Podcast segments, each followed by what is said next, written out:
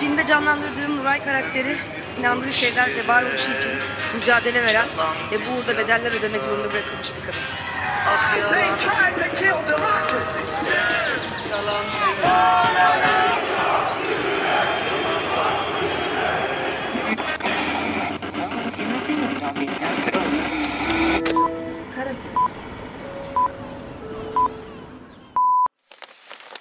Geçen yılın ardında.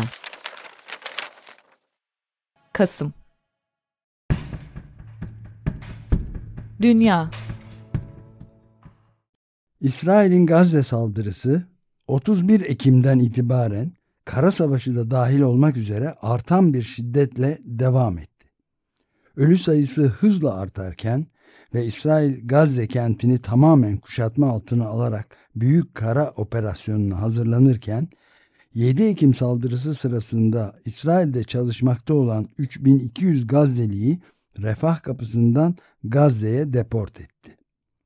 Aynı gün Kudüs ve vaat edilmiş Topraklar Bakanı Amihai Eliyahu, Hamas'ı ortadan kaldırmak için Gazze şeridine nükleer bomba atmanın da bir seçenek olduğunu söyledi. İsrail ordusu Gazze şeridinin en büyük kenti olan Gazze kentini kuşattı ve Gazze şeridini güney ve kuzey olmak üzere ikiye böldüğünü duyurdu. Bu operasyon sırasında tankların içinde uluslararası basın mensupları da iliştirilmiş gazeteciler olarak Gazze'ye sokuldu. İki saat çekim yapmalarına izin verilen gazeteciler verilen mühlet bittikten sonra geri çıkarıldılar. Yüzlerce yaralının yanı sıra 50 bin kişinin sığındığı Gazze kentinde bulunan en büyük hastane olan El Şifa Hastanesi çevresinde İsrail askerleriyle Hamas militanları arasında yoğun çatışmalar yaşandı. Bu sırada hastane hem ateş altında kaldı hem de yakıtı tükendi. Gazze Sağlık Bakanlığı yoğun bakımdaki 39 bebeğin oksijen makinelerinin çalışmaması sebebiyle öldüğünü duyurdu. Sadece El Şifa da değil. Bir doktorun El Cezire'ye hastanelere karşı savaş açıldığı gün diye nitelediği günde Kuzey Gazze'de ve Gazze şehrindeki diğer 3 hastane de İsrail güçleri ve tankları tarafından kuşatıldı. Endonezya hastanesinde de elektrik olmadığı bildirildi. Birleşmiş Milletler İnsani İşler Koordinasyon Ofisi Gazze'deki 36 hastaneden 20'sinin artık hizmet veremediğini açıkladı. Saldırı savaşı bütün hızıyla sürerken dünyanın dört bir yanında yüz binlerin katıldığı Filistin'le dayanışma eylemleri de gerçekleşmeye devam etti. Washington DC'de yani başkentte Amerika Birleşik Devletleri tarihinin en büyük Filistin'e destek mitingine 300 bin kadar Arap, Yahudi, siyah ve başka gruplardan barış aktivisti katıldı. Belçika ve Amerika Birleşik Devletleri'nde ise bazı limanlarda İsrail'e askeri malzeme taşıyan gemiler sendikalar tarafından boykot edildi ve gemilere yükleme yapılmadı. Londra'da ise 1 milyon kadar kişinin katıldığı dev bir Filistin'e dayanışma gösterisi düzenlendi. Gazze ile dayanışma eylemleri sürerken Paris'te ve birçok şehirde on binlerce kişi antisemitizme karşı gösteriler düzenledi. 7 Ekim saldırılarından bu yana 1250 antisemit olay gerçekleştiği duyurularak düzenlenen eylemlere siyasi partiler ve Fransa'nın eski başkanları François Hollande ve Nicolas Sarkozy katıldı. Fakat aynı zamanda gösteriye Marine Le Pen'in Ulusal Birlik Partisi de katıldı. Nazi kökleri olan partinin birinci hedefi Fransa'daki Müslümanlar olduğu için Filistin'le dayanışma eylemlerine karşı çıkıyordu Le Pen. Ayrıca Le Pen'in gösteriye katılmasını protesto edenler de oldu. Bir diğer aşırı sağcı göçmen düşmanı başkan adayı Erik Zemmour da yürüyüşe katılanlar arasındaydı. Amsterdam'da düzenlenen ve 85 bin kişinin katıldığı iklim ve adalet yürüyüşünde konuşan Greta Thunberg, uluslararası dayanışma olmadan iklim adaleti sağlanamaz. İşgal altındaki topraklarda iklim adaleti olamaz dedi ve mikrofonunu Filistinli ve Afgan kadın aktivistlere uzattı. Bu sırada sahneye atlayan bir adam Greta'nın elinden mikrofonu zorla alarak buraya iklim için geldiğini, politika için gelmediğini söyledi. Genç aktivistler müdahale ederek mikrofonu geri aldı ve adamı sahneden uzaklaştırdı. Fakat Greta'nın konuşmasının ardından Almanya FFF fikir ayrılıkları nedeniyle Fridays for Future hareketiyle ilişkilerini kestiğini açıkladı. Savaş sürerken ve Londra'da 1 milyon kadar kişi dev gösteride Filistin'le dayanışma göstermişken gösteriye izin verilmesini eleştiren Birleşik Krallık İçişleri Bakanı Suella Braverman görevden alındı. Toplumsal muhalefet böylece Rishi Sunak yönetimine karşı ilk zaferini kazandı. Kasım ayı ortasında New York merkezli İnsan Hakları Kuruluşu Anayasal Haklar Merkezi Gazze halkına yönelik soykırımı önleyemedikleri gerekçesiyle Biden ve yönetimine dava açtı. Anayasal Haklar Merkezi çok sayıda Filistinli örgüt ve şahıs adına Kaliforniya'da federal mahkemeye sunduğu şikayet dilekçesinde İsrail'in toplu öldürme, sivil altyapıyı hedef alma ve Filistinlilerin zorla yerlerinden edilmesi gibi eylemlerinin soykırıma tekabül ettiğini belirtti. Dilekçede Holokost'un ardından kabul edilen 1948 tarihli soykırım sözleşmesinin Amerika Birleşik Devletleri'ne ve diğer ülkelere ölümleri engellemek için güçlerini ve nüfuzlarını kullanma yükümlülüğü getirdiği de hatırlatıldı. Aynı gün Avrupa ve Latin Amerika'daki yaklaşık 20 ülkeden 80 siyasi lider de Uluslararası Ceza Mahkemesi savcısı Karim Ahmet Han'a mektup yazarak İsrail'in Gazze'deki soykırımının durdurulmasını ve Başbakan Benjamin Netanyahu ile hükümetindeki diğer sorumluların yargılanmasını talep etti. Mektupta savaş suçu olarak hastanelerin vurulması ve fosfor gazı kullanılması gibi konular da yer alıyordu. 15 Kasım'da İsrail ordusu Gazze şehrindeki El Şifa Hastanesi'ne Hamas operasyonu başlattığını duyurdu. Günlerdir hastane çevresinde yoğun çatışmalar yaşanıyor ve yaklaşık 200 kişinin cenazesi dahi kaldırılıp defnedilemiyordu. Hamas'ın kontrolü altında olduğu ve altında tüneller bulunduğu iddia edilen El Şifa Hastanesi'ne gaz bombası atarak giren komandolar hastaneyi işgal ettikten sonra oda oda gezerek sağlık çalışanlarını ve hastaları sorguladı. El Şifa Hastanesi'ni ele geçiren İsrail ordusu bir türlü hastanenin Hamas'ın kumanda merkezi olduğuna ve altında tüneller olduğuna dair kanıt sunamadı. 10 kadar paslı Kalashnikov tüfek bulduğu son derece ciddiyetsiz videolar paylaşmakla yetindi. O kadar ki BBC ve İsrail'in sağcı basını dahi İsrail ordusunun ikna edici kanıtlar sunamadığını söyledi. Ayrıca hastanede erkeklerin çıplak şekilde şiddete uğradığı görüntüler paylaşıldı. Yoğun bakımdaki hastaların ise öldüğü duyuruldu. El Şifa Hastanesi'nde Hamas tüneli kanıtı arayan İsrail ordusu hastane bahçesinde bulduğu bir tünel girişinin fotoğraflarını paylaştı.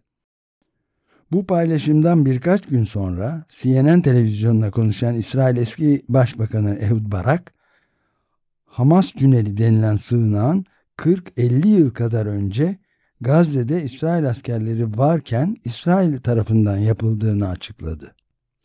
Bu tırnak içerisinde hastane operasyonu tamamlanır tamamlanmaz İsrail bu kez de Filistinlilerin zorla göç ettirildiği güneydeki Han Yunus kentinde operasyon sinyali verdi.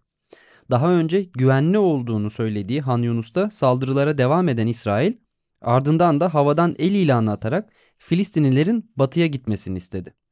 Bu sırada Gazze'de yaşlıların barınma ve bakımı için hizmet veren Vefa Hastanesi'ne yönelik bombardımanda hastane müdürü Mithat Muhaysin hayatını kaybetti.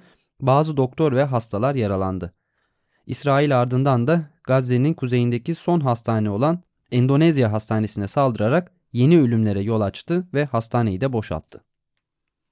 Katar'ın arabuluculuğuyla Hamas ve İsrail arasında 4 günlük tırnak içinde insani ara yani iddiaya göre bir çeşit ateşkes anlaşmasına varıldı.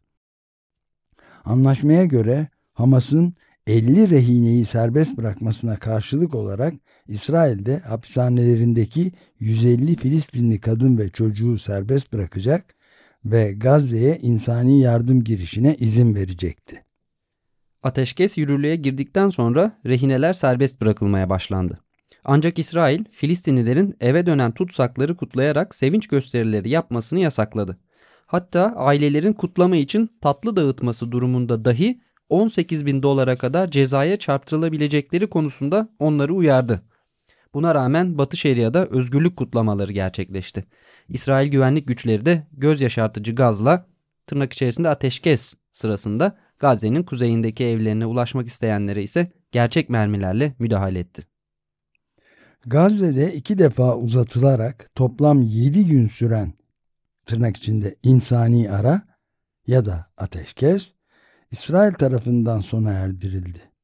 Ateşkes süresince Hamas 80'i İsrailli 30'u yabancı olmak üzere 110 rehineyi serbest bıraktı.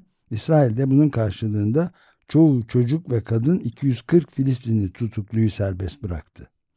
Bu arada Gazze'ye ulaştırılan yardım miktarı ise son derece yetersiz kaldı. Aranın bittiğinin ilan edilmesinden 4 dakika sonra İsrail kaldığı yerden bombardımana ve katliama devam etti. Kasım ayı sonuna gelindiğinde Gazze saldırısında ölen insanların sayısı 6150'si çocuk olmak üzere 15.000'i geçmişti. Öldürülen Birleşmiş Milletleri çalışanı sayısı 100'ü, sağlık çalışanı sayısı 215'i ve gazeteci sayısı 58'i aşmıştı. Batı Şeria ve Kudüs'te ise İsrail Güvenlik Kuvvetleri ve yerleşimciler tarafından öldürülen Filistinli sayısı 241'i bulmuştu. 50 bini tamamen yıkılmış olmak üzere toplamda 300 bin konutun zarar gördüğü açıklanmıştı. Ukrayna'da devam etmekte olan diğer savaşta ise iki ülkenin de kış gelmeden yeni mevziler ele geçirme çabalarının pek fazla sonuç vermediği görüldü. Bu sırada Rusya, Rusya Devlet Başkanı Vladimir Putin hakkında daha önce yakalama kararı çıkaran Uluslararası Ceza Mahkemesi hakimi Sergio Gerardo Ugalde Godinez hakkında yakalama kararı çıkardı. Kasım ayında savaşlardan arta kalan diğer haberlere bakıldığında da dünyanın hali pek iyi görünmüyordu. İspanya'da birkaç hafta sonu boyunca birçok şehirde on binlerce kişi sağcı Halk Partisi ve aşırı sağcı Vox Partisi öncülüğünde iktidardaki sol koalisyonun Katalan bağımsızlık referandumunu örgütleyen siyasiler için politik af çıkarma planına karşı sokaklara indi. Sağcıların attığı sloganlar arasında terörizme af yok, hain Sanchez gibi sloganlar vardı. Arjantin'de ekonomik krize karşı radikal çözüm önerileri ve diktatörlük döneminin suçlarını yok saymasıyla bilinen aşırı sağcı Javier Milei, başkanlık seçimlerinin ikinci turunda %56 oy oranıyla başkan seçildi. Kendisini bir anarko-kapitalist olarak niteleyen Milei'ye ilk tebrik mesajları Amerika Birleşik Devletleri'nin aşırı sağcı eski başkanı Donald Trump'la Brezilya'nın faşist eski başkanı Jair Bolsonaro'dan geldi. Bu seçimden hemen bir hafta sonra da Hollanda'daki genel seçimleri aşırı sağcı Geert Wilders'in Özgürlük Partisi kazandı. İşçi Partisi ve Yeşil Sol ittifak ikinci olurken hiçbir parti hükümeti kuracak orana ulaşamadı. Seçim kampanyasında göçmenleri hedef alan Wilders, seçimin ardından yaptığı konuşmada Hollandalılar ülkelerini geri almayı, sığınmacı ve göçmen tsunamisinin azaltılmasını sağlayacağımızı umuyor, dedi. Kendisini ilk tebrik edenler ise Fransa'nın Faşist Ulusal Birlik Partisi lideri Marine Le Pen ve Macaristan'ın aşırı sağcı başbakanı Viktor Orban oldu.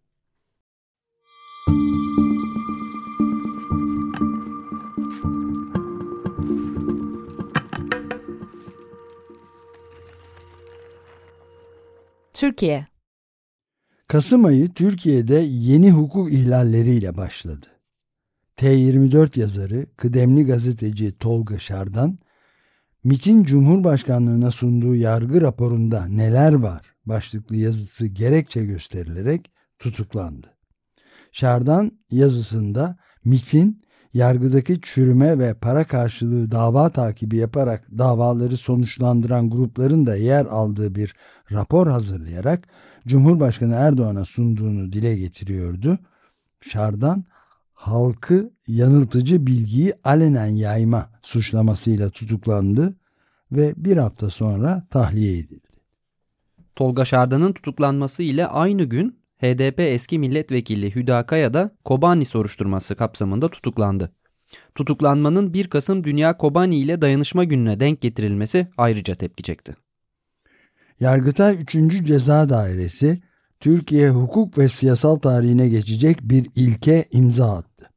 Yargıtay, Anayasa Mahkemesi'nin tutuklu Türkiye İşçi Partisi tip Hatay Milletvekili Can Atalay hakkında verdiği ihlal kararının anayasayı ihlal ettiğini ve yetkisini aştığını belirterek karara uyulmamasına hükmetti.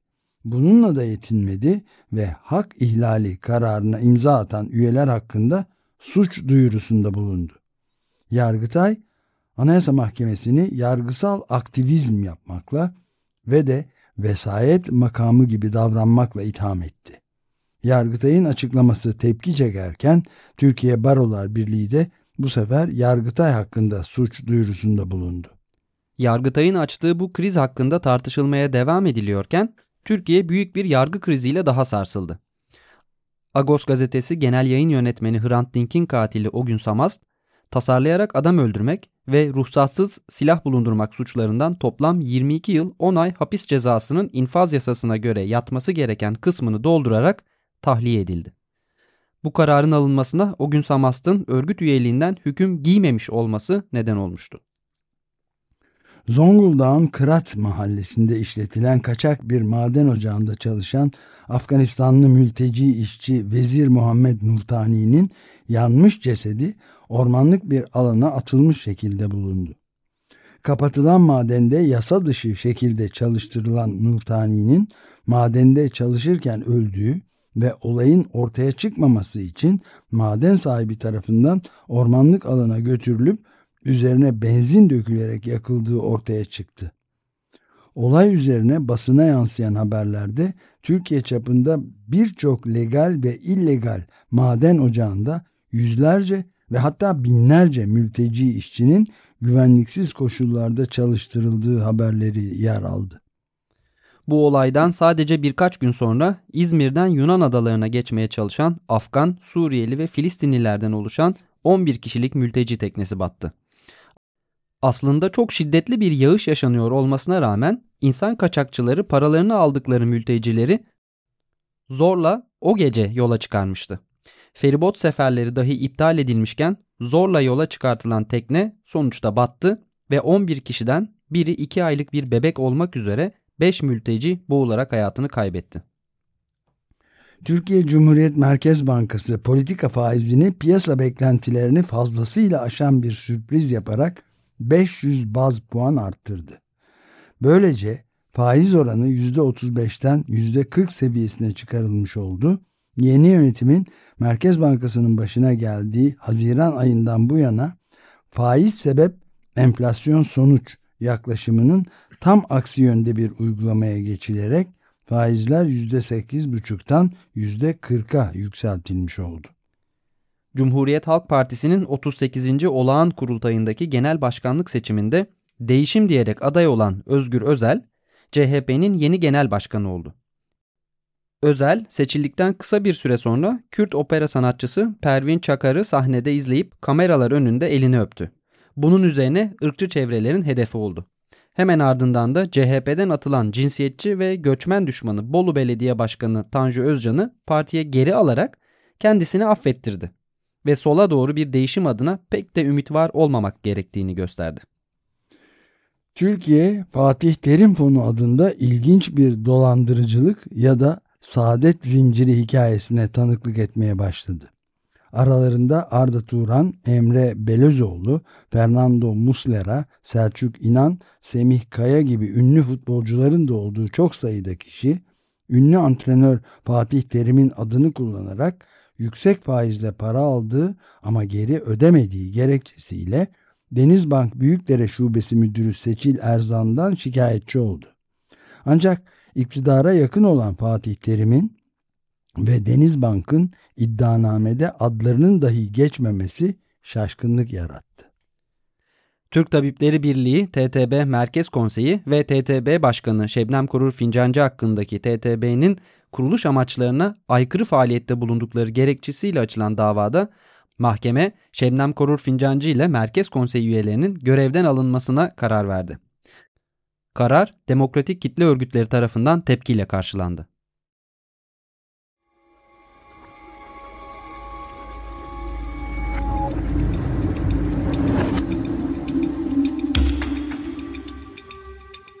İklim ve çevre Kasım ayının daha ilk günü global sıcak dalgasıyla başladı. Çin, Kuzey ve Güney Kore ile Moğolistan o güne kadar ölçülen en yüksek Kasım ayı sıcaklıklarını kaydettiler. Kasım ortasında ise bu kez Latin Amerika, Kuzey ve Güney Afrika ile Orta Doğu'da sıcak dalgası yaşandı. Yine Kasım ayının ilk günlerinde Avrupa'yı da siklon bombası denilen ve aniden ortaya çıkarak hızlanan Ciaran fırtınası vurdu. Avrupa'nın kuzeyinden Britanya'dan başlayarak Almanya, Belçika, Hollanda, Fransa, İspanya ve İtalya'yı vuran fırtına toplamda 16 kişinin hayatına mal oldu. Brezilya'da eşi benzeri görülmemiş sıcak hava dalgası nedeniyle 3000'den fazla kentte kırmızı alarm ilan edildi. Rio de Janeiro'da hissedilen sıcaklık 52,5 dereceye çıktı ve ülke genelinde 100 milyondan fazla insan yani toplam nüfusun neredeyse yarısı aşırı sıcaklardan etkilendi. 17 Kasım günü ise gezegen tarihinin dönüm noktalarından birisi yaşandı. Dünyanın dört bir yanında yaşanan sıcak hava dalgalarının ardından Kopernik İklim Değişikliği Servisi gezegenin 2 derecelik ısınma eşiğinin ilk kez aşıldığını açıkladı. 17 Kasım'da sanayi öncesi döneme kıyasla 2,06 derecelik artış ölçüldü. Etiyopya'nın kuzeyinde yer alan Tigray ve Amhara bölgelerinde yıllardır süren kuraklık ve savaş sebebiyle uluslararası yardımların dondurulması sonucu 50'den fazla kişinin öldüğü açıklandı. Binlerce hayvan da yeterli gıdaya ulaşamadığı için can verdi. Bu alarm verici gelişmenin hemen ardından Birleşmiş Milletler Çevre Programı'nın Emisyon Açığı 2023 raporu yayınlandı. Rapora göre sera gazı emisyonları 2022'de önceki yıla göre %1,2 artarak 57,4 gigaton karbondioksit eşdeğeri seviye ile rekor kırdı. Bu durum küresel sıcaklık artışını 1,5 derece ile sınırlandırmak için emisyonların gereken şekilde azaltılmadığını ortaya koyuyordu. Rapora göre bu yıl Ekim ayının başına kadar 86 günde sıcaklıklar sanayi öncesi seviyelerin 1,5 derece üzerine çıkmıştı. Eylül 2023 ise küresel sıcaklık ortalamasının sanayi öncesi seviyenin 1,8 derece üzerine çıktığı en sıcak ay olmuştu. Küresel ısınmanın beklenenden hızlı gelişmekte olduğuna dair yeni bir bilimsel araştırma daha yayınlandı. 1988 yılında Amerika Birleşik Devletleri Kongresi'nde küresel ısınmayı ilk kez anlatarak tarihe geçen iklim bilimci James Hansen ve arkadaşlarının yeni bir araştırması gezegenin 1,5 derece sınırına 2020'li yıllar içinde yani sadece 6 yıl içinde ulaşacağını ve 2050'de ortalama 2 derece ısınmış olacağını ortaya koydu. Savaşlarla fosil yakıt şirketleri arasındaki doğrudan ilişkiyi ortaya koyan Global Witness kuruluşunun araştırması Azerbaycan'ın 2020 yılında Karabağ'a saldırdığı günden bu yana BP tarafından Azerbaycan topraklarında çıkarılan fosil yakıtlardan Azerbaycan yönetiminin eline geçen paranın 35 milyar dolar yani Azerbaycan'ın savunma bütçesinin tamamından 4 kat daha fazla olduğunu gösterdi. Azerbaycan bu gelir sayesinde Karabağ'ı 3 yıl önce işgal etmiş ve bu yılda tekrar saldırarak Karabağ'ı Ermeni halkının tamamen boşaltmasına neden olmuştu. Su kaynaklı çatışmalar kronolojisi Water Conflict Chronology adlı kuruluşun araştırmasına göre 2022 yılında en az 228 su kaynaklı çatışma belgelendi. Bu 2021'den bu yana %87'lik bir artış anlamına geliyordu.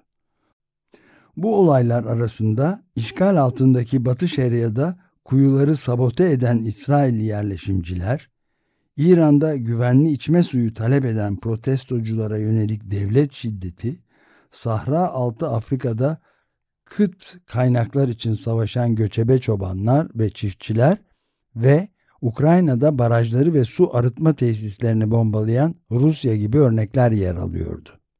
Hollanda'daki Leiden Üniversitesi'nden araştırmacılar dünya çapında 52,4 milyon ton etin yani üretilen etin altıda birinin çöpe atıldığını hesapladı.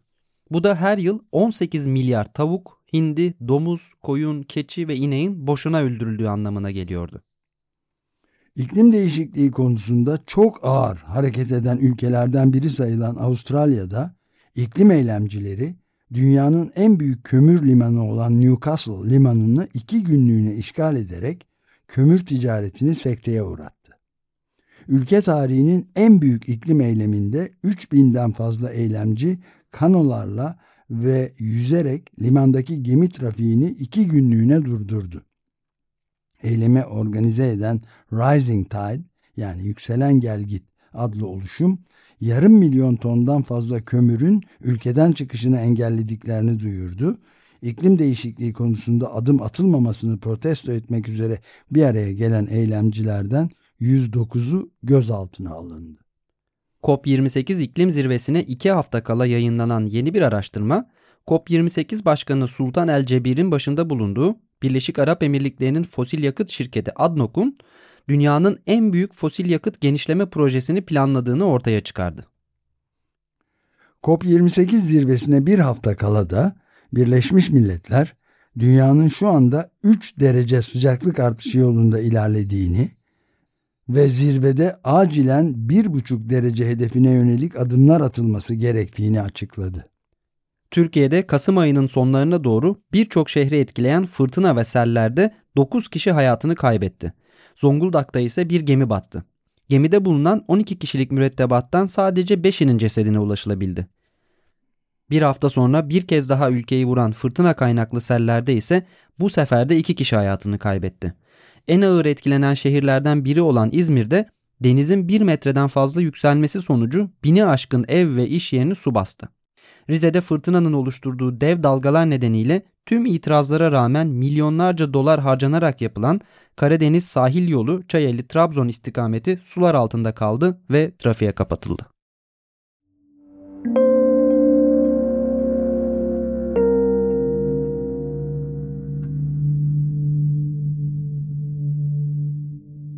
Ayın Sözü Yaralı çocukları taşıyanlar da çocuktu. Havayı dolduran gri toz içinde koşuşuyorlardı.